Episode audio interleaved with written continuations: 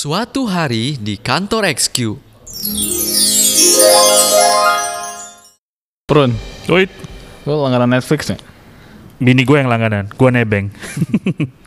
Di Netflix lagi ada film menarik, Apa tuh? judulnya Code Bias. Code as in Iya, code. C- gitu. COD. Oke. hah? COD. Cerita tentang apa? Cerita tentang s- seorang mahasiswi. Mhm. Ini cerita awalnya ya, gue belum entah habis sampai habis soalnya baru setengah. Ini perlu ada spoiler warning gak nih? Nggak ya, menurut gue sih konteksnya semua orang mungkin udah paham. Oke. Nah, ceritanya tentang mahasiswi. Dia lagi ya, eh, dia kuliah di MIT Media Lab. Oke. Dia ada project namanya Magic Mirror. Nah, Oke. Magic Mirror Bisa ngapain ini tuh? Tentang eh, bagaimana dia membuat eh, seseorang itu menjadi terinspirasi di pagi hari. Cara- Pas dia ngaca gitu. Iya pas dia ngaca. Jadi pas dia lagi ngaca di depan kaca itu dia bakal muncul sesosok yang menginspirasi dia. Mhm. Nah itu dia pakai computer vision buat Oke. identify muka sehingga mukanya itu bisa pas misalkan lagi ngaca nih, oh muka lu bisa di mapping sama seseorang yang menginspirasi lu. Oh, Oke. Misalnya pada saat itu lo bis- tiba-tiba terinspirasi Albert Einstein, muka lo pas ngaca jadi Albert Einstein Oh, gitu. Iya gitu. Oke oke, menarik menarik. Jadi kayak filter Instagram gitu ya. Iya, Nah, permasalahannya adalah ketika dia udah bikin modelnya, Oke. udah jadi prototipenya, nggak muncul muka, eh, nggak muncul mappingan mukanya dari computer vision. Eh, si modelnya tidak mengenali muka dia, Mukanya nggak kedetek. nggak kedetek. Mhm. Betul. Karena dia seorang yang berkulit hitam. Hmm, ya itu pernah kejadian itu diskriminasi model ya. Iya, akhirnya dia penasaran. Kenapa sih eh, kok bisa nggak detek nggak bisa nggak bisa ngedetek muka gua? Oke. Dan akhirnya dia ngelihat data trainingnya. Mhm. Oh, data trainingnya eh, agak jomplang berat sebelah ke Iya, iya. laki-laki. Terlalu homogen ya, ya. terlalu homogen laki-laki dan berkulit agak terang. Mhm. Akhirnya gua mundur lagi. Lah kalau misalkan eh, emang kayak gini sebenarnya machine learning itu awalnya dibangun buat siapa sih? Mhm. ketika gua baca-baca artikel tahun 2013, 2014 itu eh, banyak artikel yang eh, dipakai untuk eh, machine learning untuk efektivitas perusahaan, Mhm. machine learning untuk meningkatkan efisiensi eh, organisasi. Mhm, mhm. Gue jadi bertanya-tanya apa sih dampaknya sebenarnya si machine learning atau AI ini Mhm. di end usernya? Mhm. Ya memang memang bener day to day make hasil dari training modelnya. Hmm. Lu dari nonton Netflix akhirnya nyari artikel. Ya. Ya. Produktif banget ya waktu senggang lu ya. Iya. Sebenarnya nggak juga sih. Penasaran doang. Ya jadi mungkin gua nggak directly commenting on that subject yet. Uh, cuman kalau kita ngomongin uh, machine learning untuk enterprise dan eventually buat end user yang make, uh, menurut gua sih ya, uh, kayaknya it doesn't matter karena kalau lo sebagai end user baik di industri mana pun, lu pada dasarnya nggak peduli itu teknologinya apa, mau itu AI, machine learning, uh, query based big data atau sebenarnya kayak orang ditaruh black box itu sebenarnya dia yang jawab jawabin pertanyaan lo, mereka juga nggak peduli. Yang penting kan teknologi itu bisa membuat kerjaan mereka lebih mudah, lebih gampang, eh lebih cepat gitu ya, dan membuat hidup mereka lebih nyaman aja pada saat mereka beraktivitas di kantor. Jadi kalau perspektif user seperti itu ya yang gua gua eh, pahami Inter user ini berarti enterprise-nya atau enterprise-nya. Jadi kayak misalnya kalau lo ngomongin di bank gitu kan, berarti kan sebenarnya kayak si kredit analisnya, terus uh, account manager dan lain sebagainya yang uh, gua misalnya punya challenge nih, misalnya bagaimana caranya gua bikin laporan ini gitu ya, itu teknologinya mau uh, di situ ada SQL server, MySQL sebenarnya kan dia nggak peduli gitu. Yang penting laporan dia keluar, uh, dia bisa penuhin deadline yang diminta sama bosnya atau KPI-nya dia gitu kan. Nah, kalau gua ngeliatnya sendiri, perkembangannya itu kenapa di beberapa tahun terakhir machine learning dan AI ini makin marak? Karena sesimpel mulai banyak pertanyaan-pertanyaan atau eh, challenge di bisnis yang nggak bisa di solving hanya dengan sekedar eh, simple equation atau yang hasilnya exact. Oke. Kayak misalnya ya eh, kalau lu ngomongin query gitu, query itu kan hasilnya ya ya exact kan most of the time atau ya pada dasarnya exact. Ketika lu nge-query mau cari satu value ya akan keluar value itu atau nggak ketemu gitu kan kemungkinannya cuma dua itu. Tapi sekarang mulai banyak pertanyaan-pertanyaan yang sifatnya uh, in the spectrum of probability atau propensity. Hmm. Kayak kalau tadi kita ngomongin banking, pertanyaannya misalnya ngomongin simple cross selling gitu ya. Uh, gue pengen bikin model yang bisa ngasih prediksi berapa sih propensitinya kalau segmen tertentu yang belum punya kartu kredit, gue tawarin produk kartu kredit gitu kan.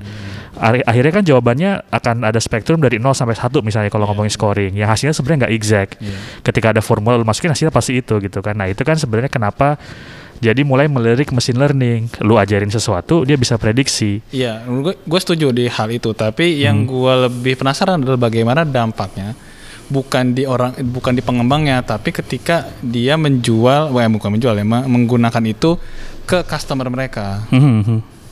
Artinya itu betul mempermudah, tapi juga harus dilihat dampaknya ke yang menggunakan. Maksudku dampak itu ada yang positif, juga Mhm. mungkin ada yang negatif. Mhm. Artinya misalkan gini, eh, dulu mm, misalkan ngajuin kartu, kartu, kartu, kartu- eh, credit scoring lah, Mhm. itu kan memang manual, ada proses pembuatannya, pembuatannya juga harus dievaluasi. Mhm. Mhm. Nah, ketika dengan eh, adanya machine learning itu bisa dilakukan secara otomasi. Betul. Tapi juga tidak bisa memungkiri bahwa itu eh, punya spektrum yang luas di luar itu. Jadi misalkan harus ada eh, oh ternyata ini akhirnya jadi false positif atau eh, jadinya false negatif. Mhm. Mhm. Nah itu jadi ranah-ranah yang jadinya eh, satu di sisi benefitnya mempermudah, sisi lain juga akhirnya jadi ada kemungkinan diskriminatif. Nah, gue cenderung setuju karena memang pada dasarnya machine learning itu kan bukan silver bullet ya. Jadi ketika lu punya masalah lu desain dengan modeling machine learning, kemudian masalahnya itu solve. Kan banyak it depends-nya. Kayak sesimpel yang tadi case lu bilang di awal si magic mirror tadi. Sebenarnya dia mau solving masalah ya atau enggak dia mau uh, bikin gimmick sesuatu lah ya. Tapi kan itu depends on dataset trainingnya dia. Ketika datasetnya dia terlalu homogen ya hasilnya nggak bisa dipakai dengan populasi yang heterogen. Uh, dan itu juga sama kaitannya dengan bisnis gitu. Nah makanya kenapa kita perlu cukup uh, sensitif terhadap uh, development dan production. Nah mungkin ini kita perlu bahas lebih deep lagi nih di episode selanjutnya. Jadi maksudnya gini, development itu kan uh, yang seperti lo tahu pada saat lo ngembangin modelnya, modelnya itu kan lo training dengan dataset yang lo kumpulin juga. Karena Iya. kan memang ya lo pasti paham lah challenge yang paling besar itu kadang-kadang ngumpulin dataset buat training kan. Iya, iya. Nah, ketika datasetnya lo bias atau misalnya terlalu homogen, otomatis lo nggak bakal bisa dapat eh, hasil yang sesuai yang lo expect ketika lo pada saat production Oke. itu sangat tidak sesuai dengan dataset training lo gitu. Mhm. Ya pasti, pasti kan lo juga udah tahu kan, eh, iya. ketika modelnya itu lo terlalu sama dengan production pun jadinya jadi overfitting gitu. Iya. Nah, Sebenarnya makanya mungkin yang lebih cocok adalah yang namanya responsible AI. Jadi itu hal itu Oke. adalah di- digunakan untuk mengukur seberapa bias si model machine learning itu. Production Hmm. oke itu eh, satu hal. Tapi juga ada satu cara untuk melihat apakah si model ini bias atau enggak. Nah, gimana tuh? Coba jelasin deh. Responsible AI itu eh, apa sih bedanya sama typical AI atau machine learning yang biasa? Beda bedanya apa sih? Apakah dia ada satu step dari framework atau eh, typical machine learning implementation yang biasa atau kayak gimana? Sebenarnya ini modelception. Jadi model yang dipakai untuk menganalisis model. Oh gitu. iya. Oke.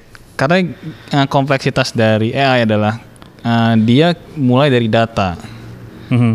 Begitu mulai dari data, growing, growing, growing, eh, tambah besar, dia masuk ke model akan susah menganalisis datanya terus menerus sehingga Ya, akan lebih ya, mudah ya. untuk eh, menganalisis di level model. Oke. Dan untuk menganalisis oh bias nih di level ini, oh bias di sini gitu. Nah, Oke. itu agak susah. Jadi akhirnya butuh sebuah cara untuk menganalisis apakah semua model ini bias atau enggak. Mhm. Gitu. A- Artinya dengan menerapkan eh, model yang memodelkan model tadi, sebenarnya kita bisa meminimalisir bias maksud lo gitu ya? Minimalisir mungkin enggak. Oke. Eh, mungkin iya maksudnya satu hal, tapi juga yang lebih penting adalah aware-nya. Mhm. Aware bahwa model itu eh, machine learning itu bukan silver bullet dan kita harus aware bahwa dia juga bisa bias. Ya kayak manusia aja ketika sebelum ada AI pun manusia pun bias gitu. Ketika itu terjadi dalam sistem ya semak si satu sistem itu juga jadi bias. Mhm. Jadi dengan meng-aware itu sesuatu yang harus diperhatikan itu menurut gua satu step yang cukup besar Oke, oke. untuk mengakui bahwa ini tuh bukan hal yang bisa apa ya, menjawab semua pertanyaan. yang Paham. Artinya dengan eh, lu melakukan hal tersebut, lu bisa nge-tweak model lu sehingga sedemikian hingga eh, false positif yang hasilnya itu cukup eh, fatal kayak contoh case yang Magic Mirror tadi itu bisa lebih dihindari gitu maksudnya kan ya. Iya, jadi di, di, di, ya, dihindari betul. Oke oke, menarik menarik. Nah terus kalau kita ngomongin eh, responsibility AI dan implementasi di corporate ya atau enterprise, eh, itu akan mempersulit nggak sih kan sebenarnya kita tahu Iya. sendiri eh, enterprise itu kan selalu lagging behind ngomongin eh, science ya, Hmm. actual science yang memang kita ngomongin eh, papers dan lain Hmm. sebagainya yang grow-nya kan sebenarnya lebih cepat dibanding enterprise karena di enterprise sendiri kan ada step-stepnya. Pertama kan dari sisi eh, apa possibility-nya diimplementasikan, kemudian harga, kemudian eh, apa keterkaitan dengan organisasi yang lain gitu. Nah, apakah ini jadi hindering eh, adopsi mereka terhadap teknologi AI dan machine learning nih kalau menurut lo? Enggak sih. Enggak ya? Kan Menurut gue sih pendekatan mereka lebih ke pragmatis. Emang untuk menya, me- apa ya, mengedukasi itu harus pelan-pelan. Mhm. Karena yang namanya pragmatis kan ujung-ujungnya adalah eh, KPI atau apa sih yang bisa dihasilkan dari sini. Mhm. Begitu itu sesuai dengan tujuannya, ya selesai. Tapi eh, kita juga harus mengedukasi bahwa ini akan mempengaruhi eh, apa ya kehidupan bukan kehidupan. Dampaknya real life loh sebenarnya. Mhm. Dan itu bisa berdampak besar. Nah itu harus di pelan-pelan lah kita edukasi. Oke.